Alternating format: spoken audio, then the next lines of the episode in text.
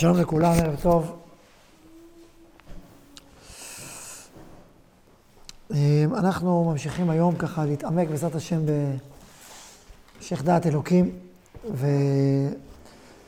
ואנחנו מגיעים ככה לסוגיות האחרונות במאמר,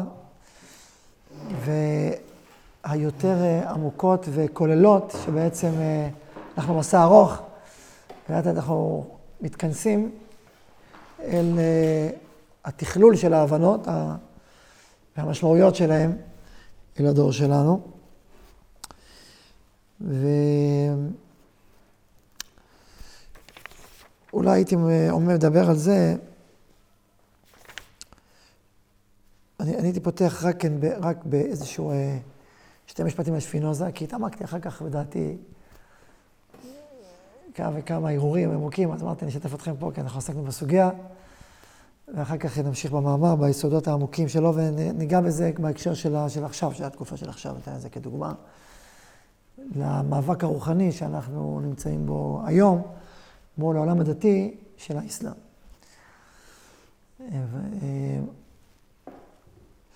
אבל עוד לפני נדבר על השפינוזה,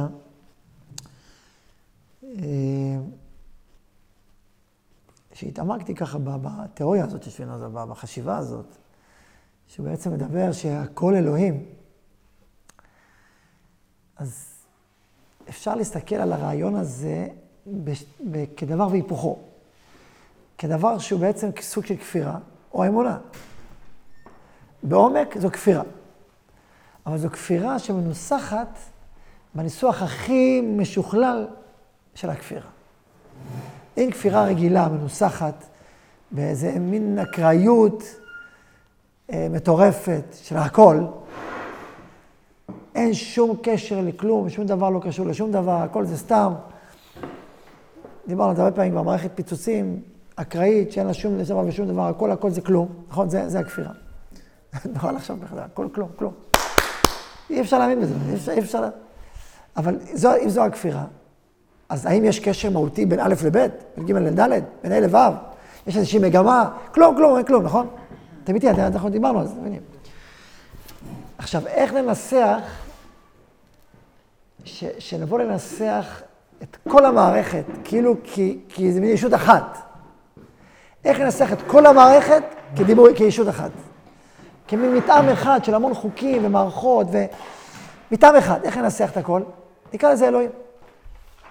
עכשיו, זה לא אמת.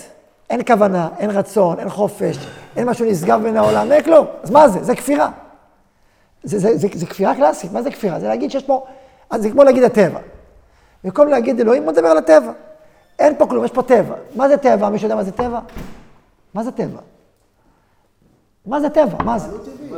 מה זה טבע? הטבע חכם, הטבע גאון, הטבע יוצר. מי זה הטבע? מי זה הטבע? מי זה? מי החכם? הטבע, מי זה הטבע? מי זה? כלום. זה, זה מין אה, המצאה מילולית ותודעתית שהמצאו אנשים בשביל לתאר את מכלול המערכת המדהימה והחוכמה העצומה של מה שמסביבה ובתוכם. זה פיקציה, זה, זה, המילה הזאת היא פיקציה. אז תחליט, זה, זה משהו חכם? זה, הוא באמת חכם? אה, איך הוא נהיה חכם? זה אקראי הרי, הכל זה סתם. אז זה לא מסתדר, אבל המציאו את זה. המילה טבע זה כבר מילה אלוהים, שיש פינוזה. מילה טבע. מה? המקור של המילה הזאת אה, בכלל יוונית. יפה, לא אף פעם לא חשבתי על חז"ל. קוראים לזה מנהגו של עולם. נגע של עולם. יפה, אף פעם לא חשבתי על מאיפה המילה זה טבע. הצביע בארץ, טבעו בארץ שיראה. זאת אומרת, מה זאת אומרת החוק? תסתכל על עולם מלא, פלא, מלא חוכמה, מלא טוב, מלא זה, ואתה אומר, סתם. אז איך נקרא לסתם הזה בשם אחד שכולל אומר הכל, הכל, הכל, נקרא לו טבע. אז זה, זה, זה, זה, זה אלוהי שפינוזה. זה לדבר על טבע, זה לדבר, איך אני אקרא לכל המערכת הזאת? נקרא לה אלוהים. עכשיו תחשבו כמה זה מתוחכם. זה כאילו כפירה הכי משוכללת שיש, כי מדברת על כל המרחב, ועל כל העומק, ועל כל החוכמה, ועל כל זה, ויותר זה שם אלוהים. אלוהי, אלוהי הטבע. זה לא לקחת כוח אחד, זה לא לקחת שמש, ירח, אה, אני יודע מה, פריון, בן אדם, להגיד אני עובד אותו. לא, זה הכל. זה הכל, הכל זה אלוהים, זה אלוהים. אז זה גם כפירה, אבל זו כפירה מאוד מאוד מאוד משוכללת. זו כפירה שברור, כמו שכותב פה הרב, שזה צל של אור, זה צל של אמונה, בהשם אחד, שהוא מעבר אל הכל, מתגלה בכל, אז כשאני מתרגם את זה לכפירה, לשפה של כפירה, אני אתרגם את זה בשפה הכי אמונית שיש, הכי אחדותית שיש, הכי מקיפה שיש. איך אני אקרא לזה? טבע או אלוהים, או הטבע או האלוהים. אתם מבינים את הרעיון הזה? לכן זה האלוהים הכי חילוני. לכן האלוהים הזה המציא את החילוניות. כאילו, צריך לדבר על הטבע ועל המדע ועל החוכמה ועל החוקים ועל הכל ועל הכל, ועל הטבע, מעצמו, היקום. היקום חכם. איך תדבר חילונית מתוך מערכת כל כך מורכבת ועמוקה וחכמה ותכליתית, איך נדבר? יש לנו שם הטבע. לכן שפינוזה, הרב קורא לו, שהוא בשורש השורשה של הכפירה המדעית החדשה של התרבות. כן? אז אפשר לקרוא לזה אמונה, אבל זה לא אמונה, זה כפירה. זה אלוהים חילוני. חילוני במובן של חול. זה ממש חול. הוא לא נשגב, הוא לא נעלה, אין ערכים, אין קודש, אין, אין כלום. זה לא נס... מעבר למציאות, זה הכל פה. וכמו כל גם הקריאה, אין פה כלום. אין לערכים משמעות באמת. אז מה זה פה? זה במתמטיקה, כמו שאתה עושה במתמטיקה, משפט או משפט, משפט, משפט. אוקיי. אין ציווי, אין רצון, אין תקווה, אין עתיד, אין השגחה להיסטוריה, השגחה בכלל, אין כלום. אז מה זה? זה חילוני. כן. כן, המכלול של כל מה שאנחנו רואים. הוא גם לא טוען שכמו, נכון שיש מושג כזה שהכלל הוא יותר גדול ממכלול פרטי. הוא לא אומר את זה. לא, זה הכל. הכל זה הכל, כמו שהוא, אין פה כלל. המושג כלל הוא לא, הוא לא באמת קיים. זה כל מה שאתה רואה, הכל. יכול להיות שיש חוקים. שיכול להיות שיבואו המדענים, ואחרי זה יגידו, יש הרבה חוקים, והם לא נכנסים את החוקים. בסדר, אבל הכל זה כלום, זה מנותק. כן, אבל זה בדיוק, זה בדיוק הכפירה, זה בדיוק התחכום פה. אז לכן הרב קורא לזה שזה צל שבא מהאור של האמונה הישראלית, הגיע צל, מהשלכה. והשלכה זה השלכה הזאת, כן. הצד השני של המטבע זה העצמיות, שהכל עצמי, הכל עצמי. אוקיי, אז הרב קורא לזה הקריאה, עכשיו, מה הבעיה בזה? הקריאה המהממת לעצמיות. אז קודם כל אתה מאבד את היראה, אין יראה, אין משהו מעבר. אין יראת אלוהים, אין משהו מעבר אליך. העולם עצמו. בסדר. אוקיי, זה, אם אתה... נכון, אז זה הצד השני, אתה מזכך את זה מהשיגים, ואתה מדבר שאלוהים נמצא בכל, אז אתה מרוויח את זה שאתה, אתה לא אלוהים הפילוסופי המנותק. שהוא יצא לעולם באיזה פליק וזהו, והוא המשיך הלאה במסעו. אלא, אלא אלוהים נמצא בכל. אז לכן אנחנו רואים, אז לכן החסידות, אפשר לטעות בה באופן חיצוני, לא באמת לטעות בה, כאילו, אבל זה באמת לא. אז אנחנו רואים, אתה נמצא בכל, אתה מחיה את הכל. האלוהים בכל. לא האלוהים זה הטבע, אלא אלוהים מתגלה בטבע, מחיה את הטבע, מאחורי הטבע, מעל הטבע, מכוון. זה דיבור אחר, זה דיבור של אמונת ישראל. מבינים את ההבחנה? מה נתן לשפינוזה לקרוא לכל זה אלוהים? מה, מה השאלה? שמה נתן. מה מה הוא הרוויח בזה שהוא שהוא לא פשוט כפר? למה למה הוא היה צריך לקרוא? הוא באמת, זה סוג של כפר. הוא כפר, לכן, כל כתבי הקודש.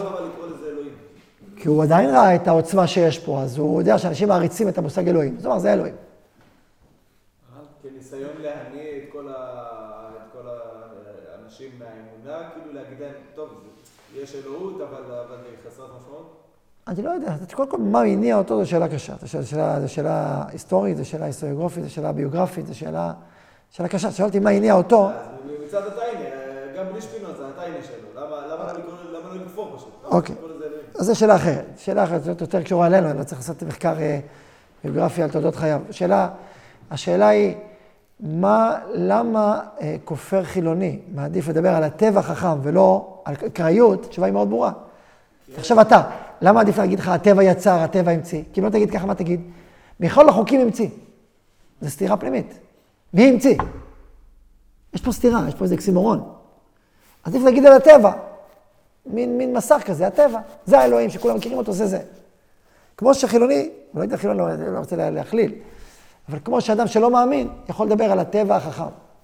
העצום, המדהים, המופליא והמופלא, ו- ולא לשים לב שבתוך המילים האלה, הוא בעצם נוגע בנגיעות אמוניות, אמיתיות, ומתרגם אותן באופן אה, חולי.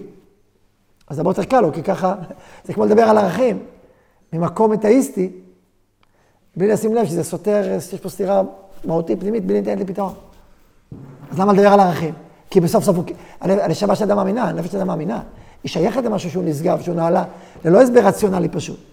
אז הוא מדבר בשפה אמונית, למרות שהוא יחד עם זה, אומר לך אמירות אחרות. עכשיו זה, מה שאמרתי לך עכשיו זה פשט. אם אני אעמיק יותר, וזה קשור לכל המאמר הזה שלנו. ה-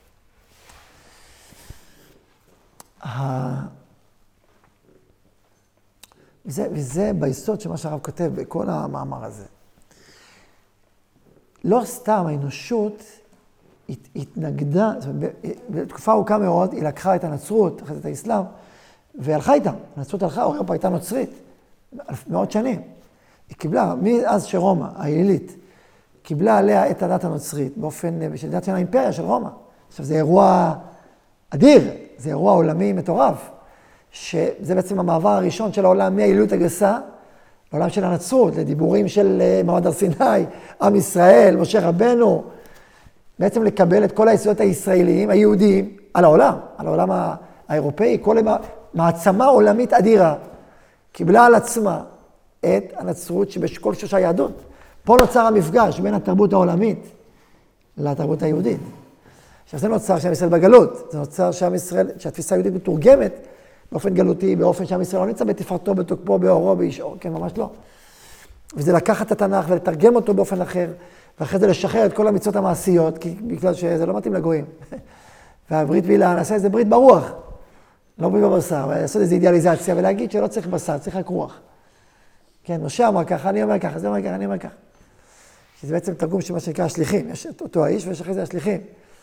זה מה שנקרא שאול התרסי, השליח שלו. שהוא בעצם, הוא עשה את פעולת התרגום ושחרר את כל המרחב המעשי, את המרחב של הדין, הרבה דברים הוא עשה. יש אותו האיש ויש מה שהוא עשה, שהוא עשה עוד, עוד פעימה. עד שזה נהיה דת גויית, שבאיזשהו שלב מתחילה לרדוף את הדת היהודית, בגלל שהיא ראתה שאנחנו היהודים, אמרנו, רגע, זה לא זה, לא זה, זה, זה חיקוי. זה לא נכון, זה לא... מאיפה באתם? אנחנו, אם תלכו ישר עם מה שאנחנו אומרים, מאיפה הסטייה הזאת תופיע, כן? ואז נוצר ניגוד, נוצר, נוצר מאבק. על כל פנים, התפיסה הזאת, האמונית, שתורגמה לנוצרות, לנוצרית, לנוצרות, ל- ל- לשפה דתית. עכשיו, שפה דתית, שפה דתית, היא חושבת על אלוהים באופן של עצמים. אלוהים, הוא חיצוני לאדם, הוא חיצוני לעולם. ואז כשאתה עובד אלוהים, ואתה איש דתי, ואתה יש לך אלוהים, אז מה בעצם אתה אומר? יש איזשהו עצם חיצוני מאוד מאוד גדול, שמשגיח עליך, שנותן לך שכר או עונש, ובספרות הדתות יש שכר ועונש, זה או-הו, סיסו וסימחו. עסיסי מאוד, יש הרבה תמונות שמתארות את ייסורי הרשעים בגיהינום, ואת האש הגדולה, ואת האור, ואת תופת, ואת פה, טה-טה-טה-טה. רק מזמן קראתי אה, תיאורים של אה, איש חמאס, איך האימאם סיפר להם מה זה הגיהינום. ואז הוא אמר שכל מי שלא מאמין ולא זה, ולא... ישאלו את השאלות, ישאלו את השאלות הנכונות בסוף הזה, ואם לא האמנת, ישימו עליך עקרב בגודל של גמל, צוואר של גמל, שיקיש אותך, ועל זה איזה נחש יטרוף אותך, וימצוצו את דמך, וכל מיני כאלה תיאורים פלסטיים, מאוד מאוד. מי ש... ומספר אותו אחד, שחושב שהוא נבהל כנער, ואז אומרים, זה מיד, מיד אחרי שקוברים את הבן אדם, מיד שואלים אותו, ואז זה מתחיל. הוא הלך להתחבא בבית הקברות, לשמוע את הצעקות של אותם נידונים בזה. התחבאתי בבית הקברות, זה היה מאוד מאוד מפחיד, אבל עשיתי את זה, הכל היה דממה. באתי לאמא שלי, אמרתי לה, מה קורה? הלכתי לבדוק מה האמא אמר, ולא שמעתי כלום. ושמעת דובר מה ומה שמעת? כלום. טוב, אולי תשמע אחר כך, אולי פה, אולי... סיפור, אני אומר, ובהתחלחלתי. אבל לא הבנתי איך זה קשור לדת, לחסד. כן, זה מרתק, בזמן אספר לכם על העניין הזה, זה מאוד מעניין. ספר על המנהיג, הבן של מנהיג חמאס. כן, קראתי את הספר הזה? ספר מאוד מעניין. אז זה ספר מעניין, הרבה משמע להעמיק בו. בתיאולוגיה, בפילוסופיה, אבל הוא נורא... ספר מאוד... יש הרבה מה לעשות אחריו, כלומר, זה לא... יש הרבה עבודה לעשות שם. והוא גם מוטה, והוא גם, אתה יש... בסדר, קיצור, יש הרבה מה להגיד בספר. על כל פנים, על כל פנים, אבל יש הרבה דברים חשובים.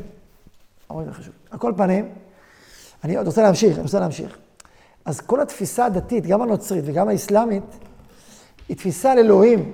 כשאתה אומר, אתה מכבד את אלוהים, זה שזה אלוהים למעלה, הכוח הגדול ביותר, אתה מכבד אותו. איך זה קשור לחיים שלך? האם האישיות שלך, האם העולם, האם החיים הופכים להיות יותר מבורכים, הופכים להיות יותר מלאים, יותר עשירים. אז אתה אומר, אלוהים יברך אותך. אלוהים למעלה יברך אותך פה למטה. כן, אבל אתה משתעבד אליו, ואתה עובד אותו, ואתה מכבד אותו. עכשיו, מסביר פה הרב, אנחנו דיברנו על זה בשביל על הכבוד, הם לא שמים לב איך הם מייחסים לבורא עולם את הפחותה שבמידות. אהבת כבוד נפרזה לאין חקר. עד שגם השלם של בני אדם, זה, זה, זה השפלה בשביל לתאר אותו ככה, שהוא בא עולם שלם רק בשביל לכבד את עצמו, וכולם יעבדו אותו, ויכבדו אותו, וישבחו אותו, וילטפו אותו, וילטפו לו את האגו כל היום. אם זה היה דיקטטור, היינו אומרים, מה זה בן אדם, והתורה מחנכת אותנו לשנוא את הכבוד ולברוח, אז מה? סימן שכל המושג כבוד אלוהים, ועבודת אלוהים, ודעת אלוהים, בתפיסה הדתית, היא מאוד מאוד נמוכה וחיצונית. והדתות ינקו, כאשר עם ישראל ירד, ירד לגלות, ולפי ההבנה שלהם בתורה, בחיצוניות של התורה ובחיצוניות של ישראל, מזה הם ינקו את כל העם הדתי שלהם. ואז, כאשר יש איזו תקופה שהעולם רוצה להתפתח ולגדול ולפרוח, והוא רוצה חיים, וחיים עשירים ומבורכים וגדולים, אז הוא אומר, זה או אני או אלוהים, צריך להחליט מי הבעל הבית פה. אם יש אלוהים, אז אני כלום. אין אללה מלבד אללה, וזהו, אתה כלום. ואם אני קיים, ואם אני, ואם אני, ואם אני רוצה אלוהים, אז אני צריך להתבטל ואני כלום. ואם אלוהים, ואז צריך לבחור בין אלוהים לבין האדם. ואז לפעמים יש כפירה ענקית שאומרת, לא רוצה. לא רוצה את כל זה. כי אתה בעצם מועך ומנתק ומדכא את כל החיים האנושיים. זה לא מעניין אותך החיים האלה. החיים האלה כל כולם הם כלום. הם אפס, הם אין. כן, ככה זה נשמע. אפילו ביהדות אפשר להביא באופן חיצוני את היהדות באופן כזה. למה, אומר הרב? כי כשהיהדות נמצאת בגלות, אז אין לך מושג איך אלוהים מתגלה. עכשיו, אלוהים מתגלה דרך האומה הישראלית, כשהיא מלאת אידיאלים אלוהים. חפצ... מה זה אידיאלי? מה זה אידיאלים אלוהים? אלוהים, אתה לא יכול לתפוס אותו בעצם שלו. זה לא איזה עצמיות מישהו שאתה והוא, הוא עומד פה, אתה פה, ואתה מתבטל אליו. אלוהים הוא מעבר להשגה שלנו, שמתגלה בכל המציאות. בכל המציאות כולה. הוא מעבר למציאות. הוא מחיה את המציאות, הוא מקדם את המציאות, הוא מצטער בכל אדם. אלוקים מתגלה גם בי ובך. איך יכול להיות? אלוהים זה משהו חיצוני. איך קשור, איך קשור הפנימיות שלי לאלוהים? אין שום קשר. כך חושב ההומני, כך חושב ההומניזם, כך... ההומניזם האתאיסט, אלוהים שם, אני, כי אני בוחר, כי, כי בתוכי יש רצון לעשות טוב, אז אני הולך עם הרצון הזה, אני מאמין בעצמי, אני מאמין באדם. אבל מה זה מאמין באדם? הרי באתאיזם, אמרנו, אין איזה, זה קשקוש המשפט הזה. אתה מאמין באיזה מקבץ אקראי של נוירונים ושל כימיקלים ושל פיזיקה וחשמל. כלום. מה, מה, מה זה שיש לו עצבים וזה כואב לו ככה, לא כואב לו ככה? הרי זה קשקוש בחשיבה הפילוסופית הטהורה. אז כשאתה באמת אומר, אני מאמין באדם, אז אני כן מאמין שיש באדם יש משהו מעבר. סיפרתי לכם אותו פרופסור שאמר, אני מאמין, הוא, הוא, הוא הגדיר את עצמו כאתאיסט, אבל הוא אמר שהוא מאמין במותר האדם מן הבהמה. זה תרתי דה סתרי. הוא מאמין מאוד במשמעות פנימית, הוא מאמין שיש... אוקיי, אז הוא מאמין, לא נכון, אני מאמין גדול, אני לא מאמין בסמכות חיצונית. אוקיי, אז גם החיצוני זה, לא, זה בדיוק האלילות הזאת, ש, ש, ש, שמתאר את אלוהים באופן מאוד מאוד מסוים. עכשיו, הוא, הוא באמת, גם כן, הוא, ספציפית, גם לא מתחובר לציווי, שיש ציווי, כי אצלו ציווי זה סמכות חיצונית, סמכות חיצונית. כאילו, כל התיאור של כתבי הקודש הוא חיצוני ובא מבחוץ, וזהו. ככה הוא תופס את המושג אלוהים, אבל פה כל מאמר הדת אלוהים מספר סיפור אחר לגמרי. הוא בא ואומר, תדע לך, שאלוהים שהוא מעבר לעולם, הוא מחיה את כל המציאות, והוא מתגלה גם בך, בתוכך פנימה. ואתה הולך, ואתה יכול להיות יותר ויותר אלוהי. ככל שאתה יותר אנושי, אתה יותר אלוקי. ככל שאתה יותר אלוקי, אתה יותר אנושי. וזה לא סתירה בין השניים. זה, זה, זה מפתח עצום, עצום, עצום, עצום. עכשיו הרב מסביר שלא מספיק להגיד את זה. אפילו את זה, שזו תפיסה מאוד מאוד עמוקה של דת אלוהים, צריך לחיות את זה. ולכן בסוף, רק כשעם ישראל כעם, לכן, לכן היהדות היא לא דת, מה, היהדות היא דת או לאום? מה היהדות? לאום? היא רק לאום. מה? כן, אבל היהדות היא לאום לבד? זה לא מדויק. כי... כל הדיבורים הדתיים על עם ישראל הוא רק אה, בתור לאום. אוקיי, אז מה זה יהדות? מה זה יהדות? מה הסיפור שלנו? אז זה, קודם כל זה חידוש. זה לא דת, זה לא דת, זה לא דת, וגם לא לאום, רק לאום. כי כשאתה מדבר על, שעם ישראל מנותק מהתורה, אז הוא מתפרק, והוא נופל, והוא נשבר. אז הדת שלנו, לא יודעת, התורה, היא הנשמה של האומה שלנו. יש לנו עם ויש לו נשמה, ויש לו מהות פנימית. התורה היא בעצם מגדלת ומוציאה לאור ולפועל את אותה מהות פנימית של האומה שלה. כמו שאת הפרט. כשאתה לומד תורה, אתה לומד עוד ועוד תורה, הנשמה שלך ניזונת ומתעוררת ומתפתחת ומתגדלת ומתעצמת ומתברכת. ואז יותר חיבור בין הנשמה והגוף, בין הגוף היהודי לנשמה היהודית. ברגע שאתה מנותק מהיהדות, אתה, אז העם הזה מנותק בעצם מהפנימיות שלו, מהמהות שלו. שאנחנו רואים, איך קוראים, איך קוראים לבורא עולם בלשון הנבואה? אז אחד המילים זה קדוש ישראל. קדוש ישראל. מה זה קדוש ישראל? שהוא מופיע בישראל, בקדושת ישראל. קדוש ישראל, או אלוהי ישראל.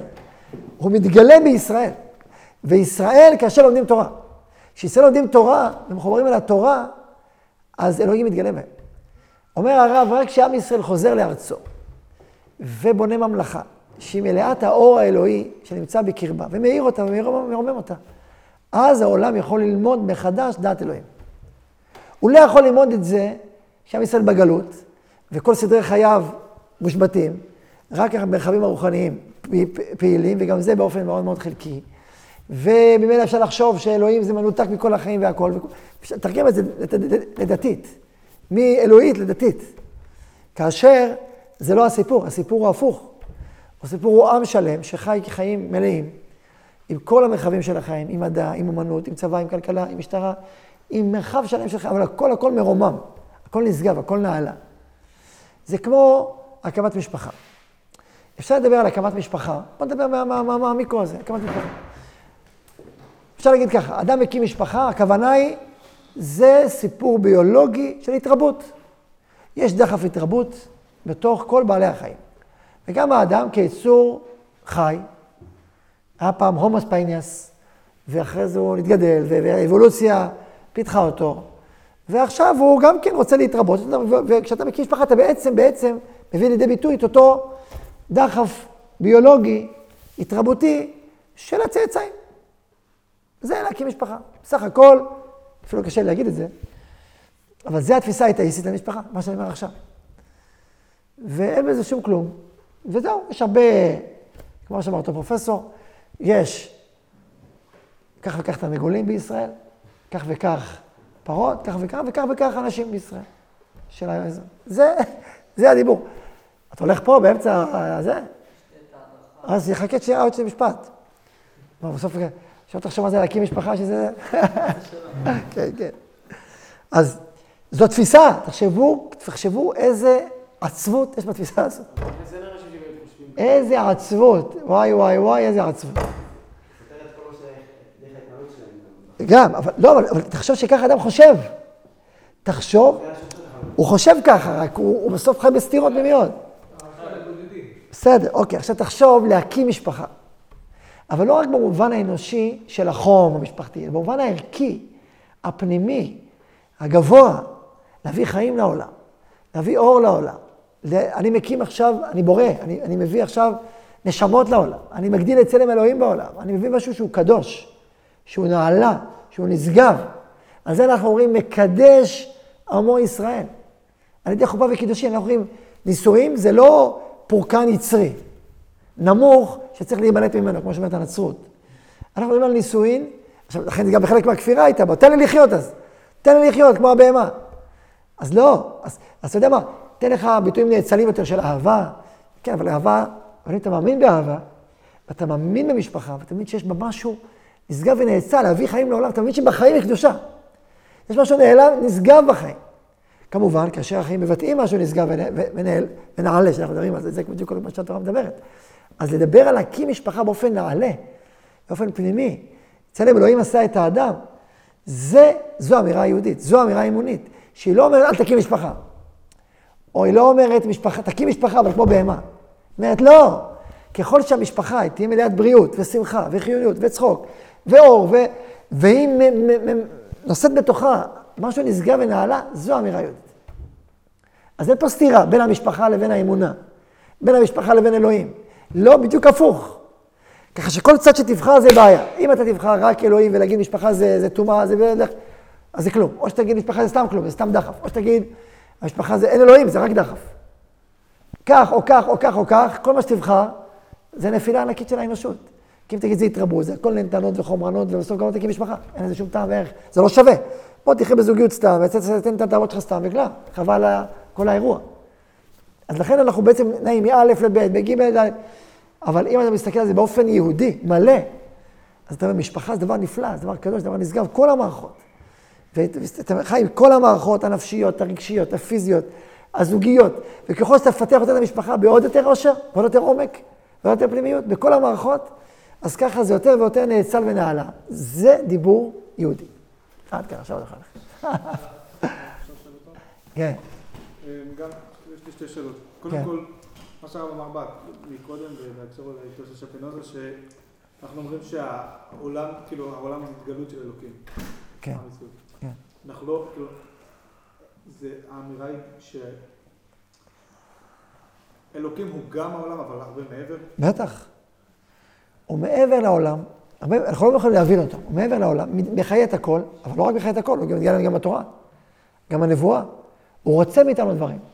הוא רוצה איתנו מחוברים, הוא רוצה קשר איתנו, הוא רוצה שהעולם יתקדם, הוא מביא את ההיסטוריה, קצת מצרים, הוא מעורב בהיסטוריה. גם הטבע, אבל לומר שהוא רק הטבע זה...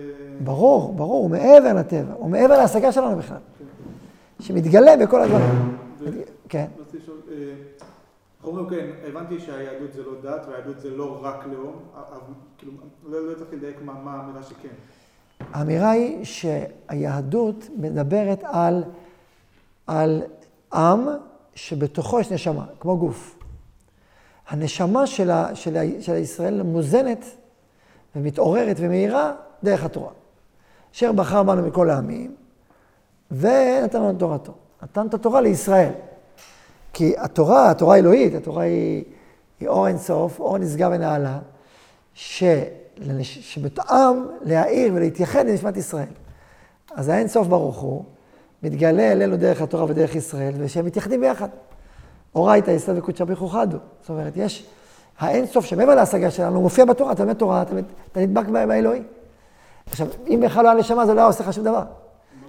אבל בגלל שיש לך נשמה, אתה מתייחד איתו ומואר. כי הנשמה שלנו מתייחדת עם האלוהי. גוי, גוי אסור ללמוד תורה. הנשמה שלנו מחוברת לאלוקים בעצם. נכון? ואיך היא מתחברת לאלוקים? כל המצוות, היא בעצם זה אותו, זה אותו דבקות. עכשיו, אבל זה לא רק דבקות, זה יותר מזה. זה דבקות שיוצרת, שפועלת. אני אומר אידיאלים, עכשיו, בתפיסה הקבלית של התורה, הפנימית, הסודית, שברור שמה שהרב מדבר, וגם בסוף המאמר הוא אומר את זה בפירוש, הוא מסביר שתפיסות העומק של התורה הן קשורות לפנימיות של התורה. כמו שבתורה יש נגלה ויש נסתר, כמו שבאדם יש נגלה ויש נסתר, ובמציאות יש נגלה ונסתר.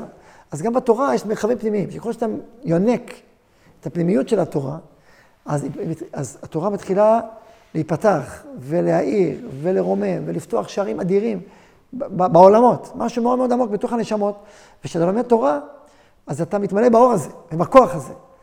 ואתה, ו, ונגיד, אחד מהתובנות, אחד מהסודות של התורה, של פנימיות התורה, זה למשל ההבנה שכל מצווה זה לא סימבולי. הוא לא כותב את זה פה, אבל זה ברור מכל המהלך. זה לא סימבוליקה, זה לא שעכשיו אני רק נזכר ביציאת מצרים. עכשיו, שבת אני נזכר. זה גם דבר נחמד, להיזכר. זה, ו, ו, אפשר להבין את זה באופן הזה גם, כן? באופן נורא, אה, נקרא לזה, תרבותי. אה, נימוסים ו- וחוקים.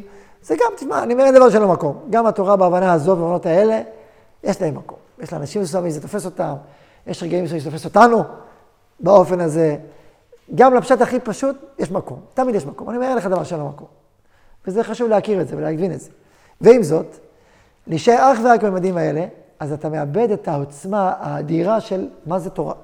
כשאתה אומר, אני מניח תפילין, אני מביא אור לעולם, מביא אור ממש עכשיו, אני, אני פועל בו, אני פועל פה איזו פעולה יצירית, רוחנית במציאות, אז אני לא רק נזכר ביציאת מצרים, גם אני נזכר ביציאת מצרים, אני פשוט פועל, פועל איזו פעולה, שבה קדושת שבת, הקדושה הזאת מופיעה בעולם, אז אני מתקן את העולם.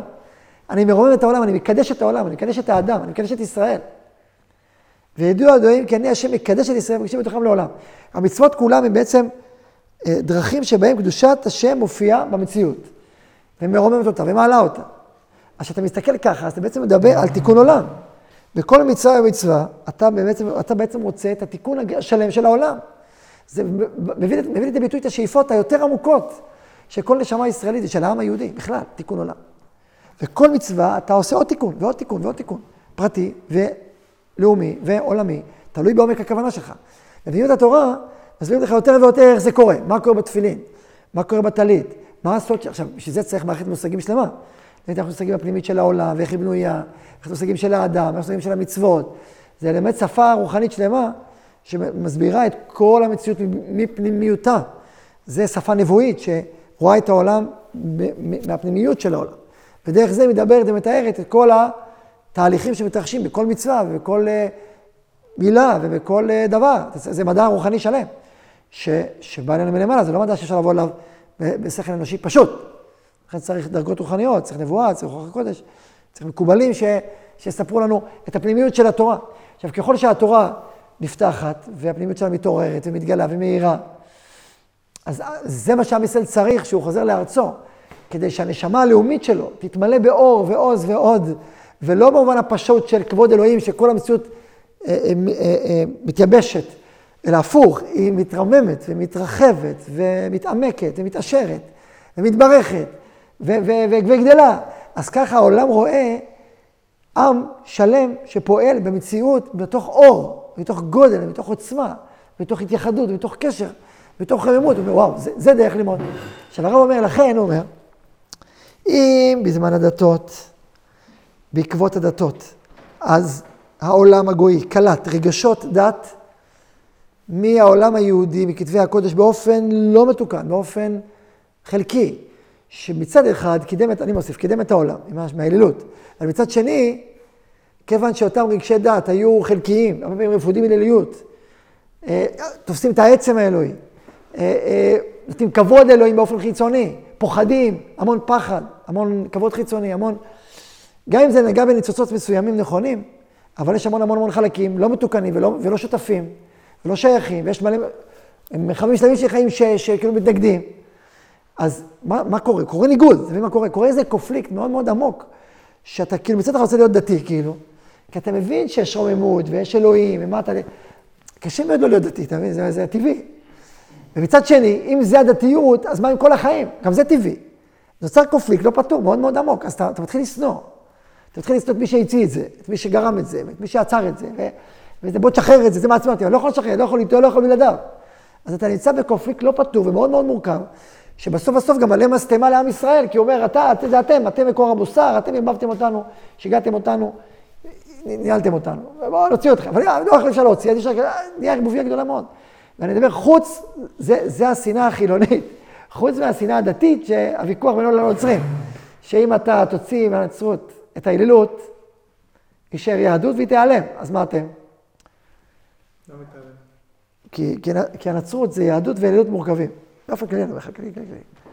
אם תלך לנאמן, תאמן, תאמן למקור, תוציא את כל האלילות, תוציא את הכל, אז זה כבר יהדות, אז מה אתם, אז מה אתם לפני עצמכם? אה, כאילו שגם הם יהיו יהודים, זה כאילו...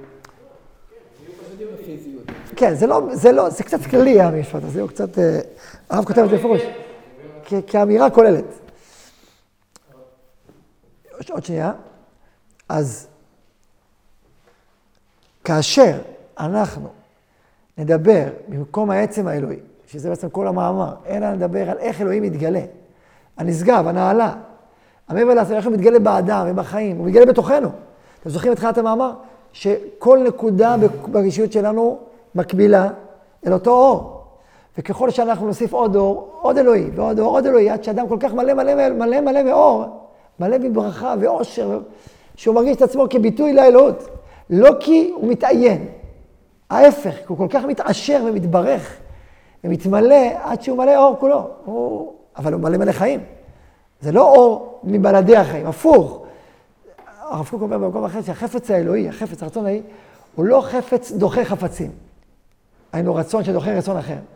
הוא לא חפץ מבטל חפצים, אלא החפץ מצחצח חפצים.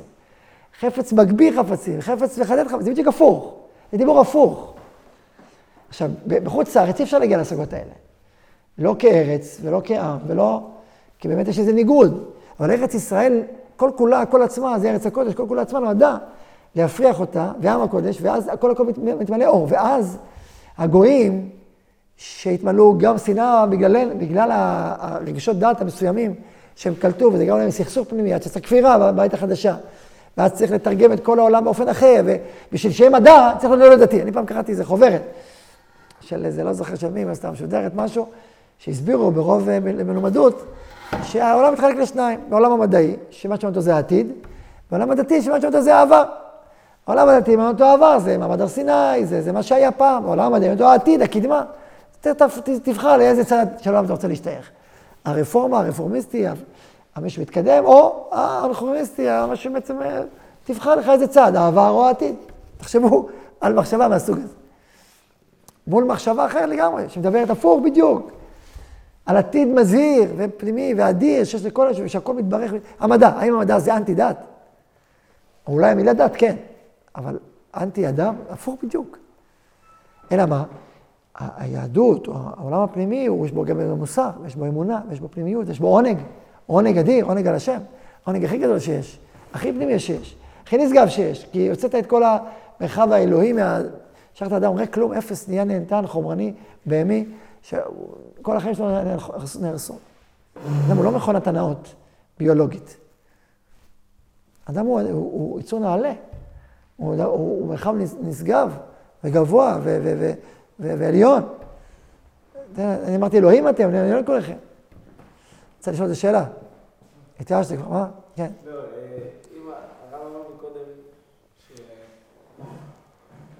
שהחפצים של האידיאלים של האדם הם, אה, כאילו, בן אדם יכול להגיד אני הומני, אבל אני כופר. מה המשמעות של ההומני, האידיאלים שאתה מאמין בהם ורוצה אותם?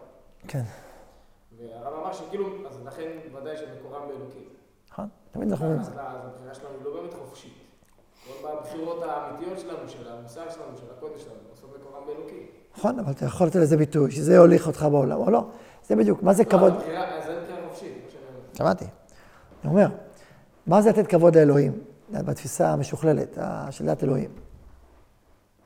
בתפיסה הדתית הפשוטה, אלוהים, לתת כבוד לאלוהים. הכל הכל לא שווה, לא חשוב. כל היום נותנים לזה כבוד שם למי שיושב שם על הירח, או אם הוא יותר משוכלל, אז זה ביקום, או שם, אחרי הכוכבים שם, לתת לו כבוד כל היום. זה התפיסה הדתית, הפשוטה, החיצונית. תפיסה העמוקה, הפנימית, של דת אלוהים. לתת כבוד לאלוהים, מה הכוונה? מה? לתת לו להופיע. להיות אלוהים. שהעולם יהיה יותר עם צדק, עם אמונה, עם טהרה, עם אמת, עם חופש, עם התפתחות, עם חדווה, עם שמחה, עם רוממות, עם, עם אינסופיות, עם שלמות. עוד ועוד ועוד ועוד ועוד ועוד ועוד, לשאוף אל השלמות של כל המציאות כולה. ברמות הכי גבוהות שלה, הכי מפוארות שלה, הכי מדהימות שלה, שאפילו כבר אין מילים להגיד מרוב הגודל והאור שאנחנו שואפים. זה נקרא לתת כבוד, לתת כבוד לחפצים, לתת כבוד להופעה האלוהית. אלוהים עצמו הוא מעבר להשגה שלו, איך אלוהים מתגלה בעולם? זה סיפור אחר לגמרי. עכשיו נחזור על השאלה שלך. אפשר להגיד שאני לא נותן כבוד לאלוהים. אני חושב, אדם יכול לחשוב, באופן, קודם כל אדם יכול לבחור איך לחשוב. הנה עובדה, יכול לבחור לחשוב באופן כל כך אה, אה, חיצוני וכו', זה בחירה אחת. מה? כל הזמן אנשים בוחרים איך לשבת. אוקיי, לא לחשוב אז שאלת מה הבחירה, זה ודאי בחירה. שתיים, הבחירה, האם ללכת אחרי המרחבים הנשגבים, לרומם את החיים, או ללכת אחרי החלקים הנמוכים, להשפיל את החיים. אדם יכול ללכת אחרי הצדדים הנמוכים שבו, ולשעבד את המרחבים העליונים שבו. עכשיו, בתפיסה היהודית, גם החלקים הנמוכים מתעלים כאשר הם חלק מהמרחב הגדול. הגדול. אבל כאשר אתה מנתק אותם מהמרחב העליון, הופך אותם לעצמאים. כשאתה אוכל, אתה אומר, אני אוכל. זאת אומרת, הנשמה בגוף שרוצה לעלות ולהתפתח ולהתרומם, וגם האכילה הופך להיות חלק ממעשה נאצל, כאשר זה הופך להיות מערכת של עלייה. זה נקרא, אה, להגיד דברי תורה על השולחן, כן? תורה על השולחן זה בעצם לומר, אני מחובר פה למעשה אצילי, למעשה נשגב, למעשה גבוה, למעשה קדוש. האכילה שלי זה לא מעשה בהמי, אה, ביולוגי, הישרדותי. זה מעשה נאצל, כי כשאני אומר דבר תורה, אני בעצם אומר, אני שייך אל הקדושה, אני שייך אל התורה, אני שייך אל, אל מערכות נשגבות. וכשאני אוכל, זה חלק מהסיפור הזה. אחרת זה זבחי מתים, כי הכל הולך למות. החומר כשלעצמו הוא חומר שמת, שנעלם, גם אדם הוא מת, בלי נשמה. אז אם אתה לא בדבר תורה על השולחן, אז בעצם, מה בעצם אתה מגדיל? אתה מגדיל את החומר שהוא כשלעצמו, המוות כרוך בעקבו, הגדלת את המוות בעולם. לכן מי שחושב חשיבה רק חומרנית, הוא בעצם כל הזמן מגדיל את, ה, את הצער ואת המוות שבעולם, גם אם הוא מתעלם מזה שכל מה שהוא עושה ימות. אז יהיה לו גוף ענק, אבל הוא יעמוד, ירכב בקבר, יהיה לו, יהיה לו בית עם אה, 100 קומות, שלא יהיה רלוונטי, וגם בסוף יחרב, אז מה? אז מה הגדלת? הגדלת עכשיו איזה כיליון יותר גדול, מה עשית? מה זה משנה אם כיליון יהיה עוד שנה, עוד מאה שנה? אז הגדלת דבר שהוא, שהוא במהותו אפיסה. אבל אם אתה מדבר על משהו אחר, על מרחב חומרי שנושא בתוכו מרחב אחר שהוא נצחי, שהוא על חומרי, שנושא בתוכו את החומר, זה דיבור אחר לגמרי. אז גם אכילה וגם אה, כל המרחב הפיזי הופך להיות משהו שקשור לנצח, שקשור לרוח, שקשור לקדושה וטהרה, אבל, זה- אבל זה חלק, זה לא שזה מבטל אותו, זה מעלה אותו. זה ענה לך? אני סתם נואם בפני עצמי. לא משנה. אתה יכול לשאול, אה? יכול לשאול. לא. תחשוב רגע, שנייה. זה אוקיי, אני אומר על הדבר אתה אומר... אמרת שאין בחירה חופשית. יש בחירה איך ללכת, איך לחיות, באופן הזה, באופן הזה. מה לחשוב, מה להרגיש, מה לפתח, מה לרומם. האם לומר דברי תורה על השולחן או לא לומר? האם לעשות חסד או לא לעשות חסד? אתה יכול להגיד, אני רוצה לעשות חסד בחיים שלי, רוצה להיטיב. או לא, אני כל היום עסוק באגואיזם. הדברי תורה בעצמו על השולחן, נו. מה הם? דווקא, להגיד דברי תורה על השולחן, זה יכול להתאפ... לומר לאכול, זה לא קשור להשם, לא קשור לקדושה, השם בחיים לא יתגלה פה. איך הוא יתגלה פה? אם תגיד דברי תורה על השולחן. זה בתפיסה הפשוטה. אני תיארתי את זה בצורה אחרת. זה בחירה שלך איך לתאר את זה. בשפה הפשוטה, הפשוטה, הפשוטה, כמו שאתה תיארת. כמו שאפשר להבין באופן פשוט, לפני שלומדים תורה, לפני שמעמיקים. כשאנחנו לומדים, לומדים בישיבה, בשביל להעמיק. יכול להיות הרבה אנשים שאומרים דברי על השולחן וחושבים כמו מה שאמרתי לפני רגע. נכון, לכן לומדים, אנחנו לומדים, זה לומדים, זה צריך, אמרתי לך, זה צריך פה פנימיות, אנחנו, אנחנו נושקים גם לפנימיות התורה בכל הלימוד הזה. יש פה פנימיות. הרב כותב שאכילת קדושי ישראל, בתוך האכילה עצמה יש לה דבר תורה. למה? כי האכילה עצמה נושא בתוכה משהו קדוש ונשגב, וזה מדובב אותך בתורה, או בתפילה. ויאכל בועז וישת, וייטב ליבו. אומר המדרש בדברי תורה. אומר הרב, הכוונה דברי תורה, לא רק שהוא אמר דבר תורה, אלא הכוונה שבתוך ליבו נהיה ליבו טוב, נהיה ליבו מאיר. ו- אבל, אבל אם ליבו מאיר, תגיד לי כמה מילים, מה יצא? מה יצא? תגיד אתה. יצא דברי תורה. אוקיי. אבל לא דווקא. חיצוני בכלל. לא, יצא דבר תורה, יצא, יצא דיבורים של תורה, דיבורים של קודש. כל האירוע הזה שאומרים עכשיו תורה בשולחן, זה מלאכותי ש... זה תלוי באיזה דרגה. אפשר, אפשר גם לי זה, ואז גם לא זה לא יהיה לך, סתם. כאילו. אפשר גם סתם. אז זה אני אומר שיש הרבה מדרגות. אין לך דבר שאין לו מקום. יש מדרגה שבכלל כלום, אדם סתם ממלמל את הברכה ולא חושב על כלום ואוכל סתם, ועל זה, אה, אוקיי. ויש לו, לא, הוא, רוצה להרגיש משהו יותר נשגב, הוא לא מתאים לו, תגיד לו דבר לפחות איזשהו מגע עם רוח. לא רק עם לאכול ושווארמות, ואתה לא מכיר את זה שעושים עושים סעודות אה, של חול? אתה רואה אנשים, אתה לא, מה כל האירוע, זה- זה- איך אומרים, אה, שמחה מה זה עושה, כאילו, מה האירוע הזה בכלל? אדם שיש לו נשמה ופנימיות, הוא מאס בזה, הוא לא... מה זה כל הסיפור הזה? זה הכל ריק, הכל חשוך. בתוכו זה, זה חשוך. אם זה ריק, אם זה, זה זבחי מתים. אז הוא אומר, לא, לא, לא, אנשים פה אוכלים, כולם אנשים צדיקים וטהורים. הם אוכלים בזה פה, זה מין התרוממות רוח פנימית של האדם. זה לא, גם לא להגיד דברי תורה על השולחן. אז הוא אומר, קודם כל תגיד דבר תורה, בוא תן לנו איזה נשימה רוחנית, קודם כל לדבר על איך הצ- איך הצלי הזה צלוי, ומאיפה עשו אותו, ואיך שעה, איך להסביר איך צלו אותו, לך להסביר לעשות היין, ואיך לעשות את הגבינה. כל, יאללה, גמרנו, כמה נדבר על איך לעשות את הגבינה. נכון, זה מעצבן, זה, זה, זה, זה, זה משעמם, זה, זה, זה נמוך, זה מנמיך. אז בכלל בוא נגיד דבר תורה. לא עדיף שיגיד דבר תורה? לא עדיף שיגיד דבר תורה, תגיד אתה. בטח שיגיד. תן לנו לנשום, תגיד איזה חידוש, איזה דבר, איזה רעיון, מהפרשת שבוע, מאיזה הלכה. תן לנו קצת רוח, תן, תנשים את הרוח, תנשים את הנשמה. עכשיו, רגע, רגע, רגע, זה האידיאל? לא, יש עוד יותר גבוה. שהוא בכלל לא אוכל סתם. וכשהוא אוכל, הוא אוכל מתוך קדושה והתוועדות, או בסביבת מצווה, או שכל הסודות שלו היא מצווה, כי הוא איש קדוש, אז כשהוא אוכל, אוכל בטהרה ובקדושה, וכל הברכה שלו, כולם שותקים, הוא מברך, והוא עולה, והוא שמח בתוך תוכו, בקדושה, והוא כאילו פימח בתפילה, והוא מספר דיבורים, הוא אומר, מה, ריבונו של עולם, איזה השגות התגלו לו עכשיו כשהוא אכל ושתה. זה האידיאל, זה אידיאל, אתה נשגב. אבל, אבל אז שהוא ידבר, הוא ידבר דברי תורה. אז לכן אל תמהר, אל תמהר להילחם בדרגה הבינונית. אל תמהר, עכשיו דבר. אבל אם כשאדם אומר דבר תורה, הוא בעצם אומר לכל מי שסביבו, כולכם לא שווים כלום. למה יש להגיד את זה? שם? לא, אבל אם זה ככה. זה תלוי באירוע. אם זה אירוע, אם, אם האירוע הוא אירוע שהאנרגיה שלו היא נמוכה. יש אירועים כאלה, מה לעשות? יש זבחי מתים. מה זה זבחי מתים? זבחי מתים.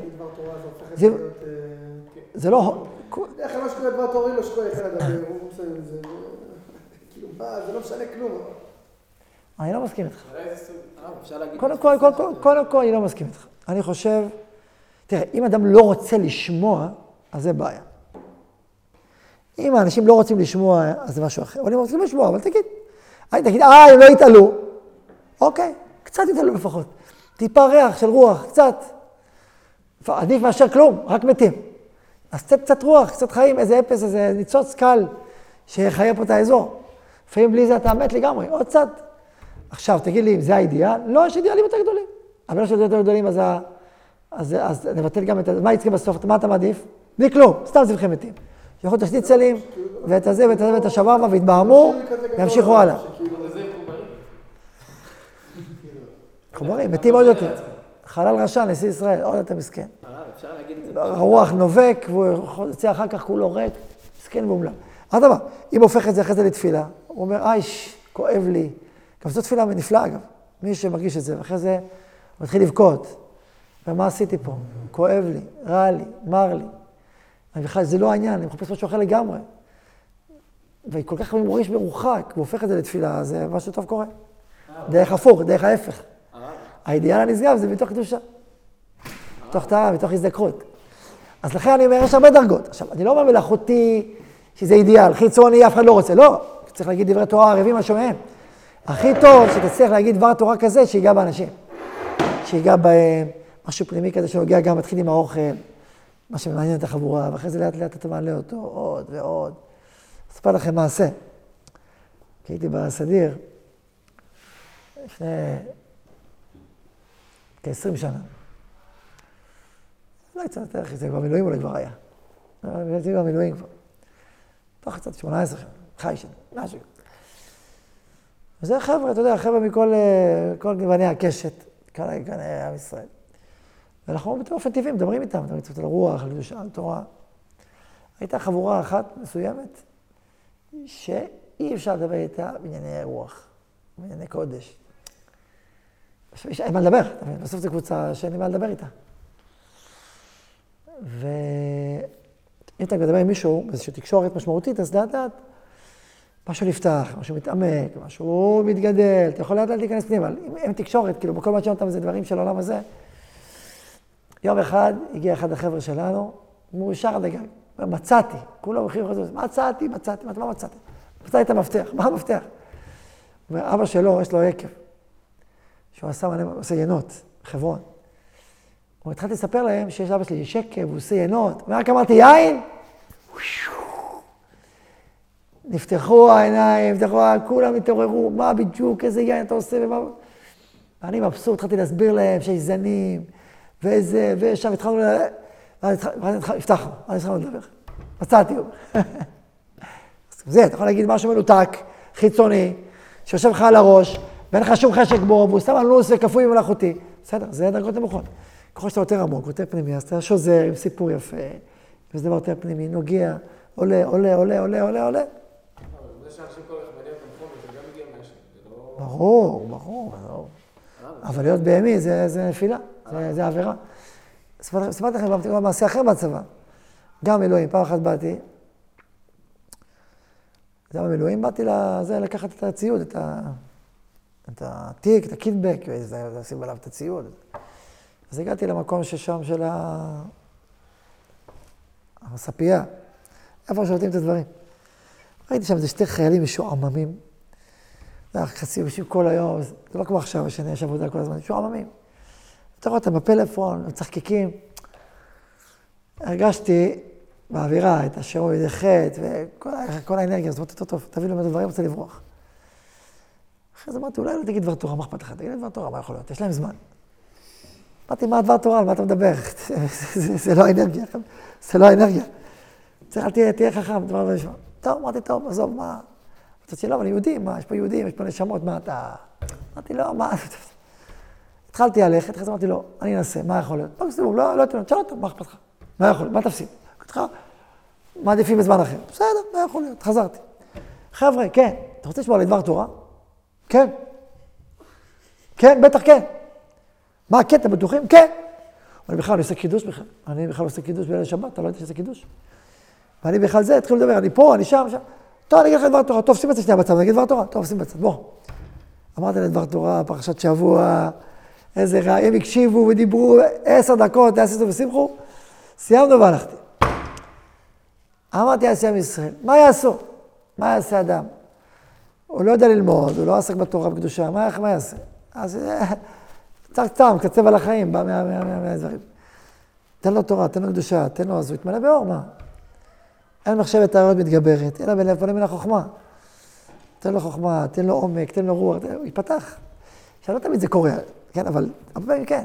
אז לכן אני אומר, גם דבר תורה, אתה מבין, אה, ינון, כשאתה תגיד דבר תורה, אל תהיה ככה, תכין את הדבר תורה, תנסה לגעת באנשים, תיגע בהם, תגיד להם, תדבר איתם על משהו שנוגע למה שקשור אליהם, ואתה תעלה, תעלה איזה, תצמם, תספר איזה סיפור. תנסה לגעת בפנימיות. עכשיו, לכל יש פנימיות. כל הפנימיות, מה יש לו נשמה? גם אם עכשיו הוא שקוע בתוך העוף, אז זה לא, זה לא נשמה? אין לו צלם אלוהים, אין בו קדושה. תנסה לכוון. אני אומר שתצליח ונצליח כולם. נרומם אותו, כן. אפשר לומר אה, שבעצם כשבן אדם אוכל והוא אומר דבר תורה, הוא מתאר את האכילה למקום, אה, לאכילה גם רוחנית. בעצם שכאילו, הוא מסיט את האכילה את המקסימום בעצם. שהוא... אה, כן, אפשר. אז פה טענו פה שזה יכול להיות לא, מין, מין משהו פתטי כזה, מישהו שהוא לא קשור לשום כלום דבר. לא, מישהו בא, אומר איזה דבר תורה, כולם צוחקים עליו, אחרי זה המשיך הלאה, כמו איזה ליצן החצר. אתה מבין, יש את האנרגיה החברתית, שהאינית, המעניינת, אז יש פה איזה אחד שמספר איזה סיפור, ביי ביי. כמו שיש סרטים כאלה, שצוחקים על הרבנים. אה, זהו, זה, אה, בא הרב, כן, כן, תגיד לי כמה דברים, אוקיי, אוקיי. הבטחנים, הליצנים, הם פה. הרב הוא כזה מין תמים, או טיפש, או... אני יודע מה, חי באיזה סרט ולא מבין את העניינים. אוכלים אותו בלי מלח. אז תהיה חכם, תהיה, תהיה רב מפוקח, תהיה קצת... אתה יודע מה הפתרון האמיתי? שיהיה לך קצת יצר רע. לא רק יצר הטוב, יצר טוב עם תבלינים של יצר הרע, אם זה טיפה עמומיות, טיפה זה, טיפה זה, הוא אומר לך פה ימינה, שמאלה, ישר. לא להיות טוב, להיות טוב מאוד. להיות טוב זה רק יצר הטוב. טוב מאוד עם תבלינים של יצר. קצת לעלות את המידור, קצת להבין את האירוע, להבין את העניינים. קצת ללמוד על השווארמה, קצת ללמוד על היין, קצת ככה. כן, קצת טיפה להיות עם זה, להבין את החבר'ה, להגיד מה איתכם, מה נשמע, איך הולך, יופי, מעולה, תביא לשתות. אבל תענו אמן. הוא צוחק, גם אתה צוחק. תן להיות בעניינים. לא חייבים, לאט לאט, זה ייקח זמן, יתן לי, זה בסדר, לאט לאט. טיפה, טיפה, פיקחות. פעם הרב יהושע, שפירא ממשיך, אמר, מה, היה צריך להיות בו, חייב להיות כזה מרובע, ורק צריך להיות שובב, ערמומי ופיקח. לכן צריך להיות גם יוצר. אתה עושה ספר טוב. ספר טוב זה רק כולם צדיקים וחסידים, עושים תמיד הטוב הכי טוב שבעולם, כמו שאמרו להם בדיוק. הוא אומר ככה, הוא אומר ככה, יש פה, היצר עשה ככה, אתה מתאפר, זה התהפכה, איזה משהו אחר. אתה חייב יצר בתוך האירוע. אבל אתה מהפך אותו, אתה... נכון או לא, ינון? מסכים או לא מסכים? אתה מביא מפה, אתה מביא משם, תביא דבר תורה, תביא איזה פילוסוף. תביא פילוסוף, יש פילוסוף צרפתי, יש פילוסוף זה, ההוא משם, ההוא משם. תתחיל אחד בפילוסופיה צרפתית. המהפכה הצרפתית לפני 300 שנה היא מהפכה הצרפתית שם. קצת ידע, קצת אופקים, קצת... אה, אתם מבינים? זה... קצת סיפורים. זה נקרא החיים, לכן, לכן ככה מעלים את החיים, מרממים אותם, מבינים שבכל יש ניצוץ, זה ככה מעלים. מעלים את הניצוצות, מעלים את, את, את ה... ואז אתה יכול לתקשר עם האנשים, אבל אתה צריך להיות בעצמך גם עשיר וגם מרומם. זה אתגר. להיות גם אדם עשיר ברוח, וגם אדם קדוש, מרומם וניתר ושואף לקדושה. שם הקדוש, שואף לקדושה, שואף מרוממות רוח. יודע ששם סוד החיים באמת. ולא מתפתה מה... כי אפשר להתפתות בכל ה... מבחוץ. עכשיו שיש שם, שם העושר. שם זה, זה, זה, זה חושך, זה, זה כאילו. מואר מבחוץ, חשוך מבפנים. אבל אדם שיש בו קדושה, ויש בו טהרה, יש בו שמחה פנימית, יש בו אור אמיתי. מזדכך, נכון או לא? תגיד לי אתה. זה לא פשוט, זה לא יקל בעיניך.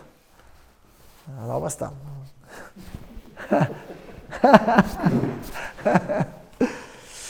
טוב, אה, זכינו הפעם ללמוד אחד השבוע, יש לנו שעה שלמה, אז אה, עוד נגמר הזמן, אבל למדנו איזה יותר זמן. אז בעצם לימדתי אתכם בעצם פה עכשיו את היסודות של העמוד, עוד בעצם עמוד עמוד וחצי.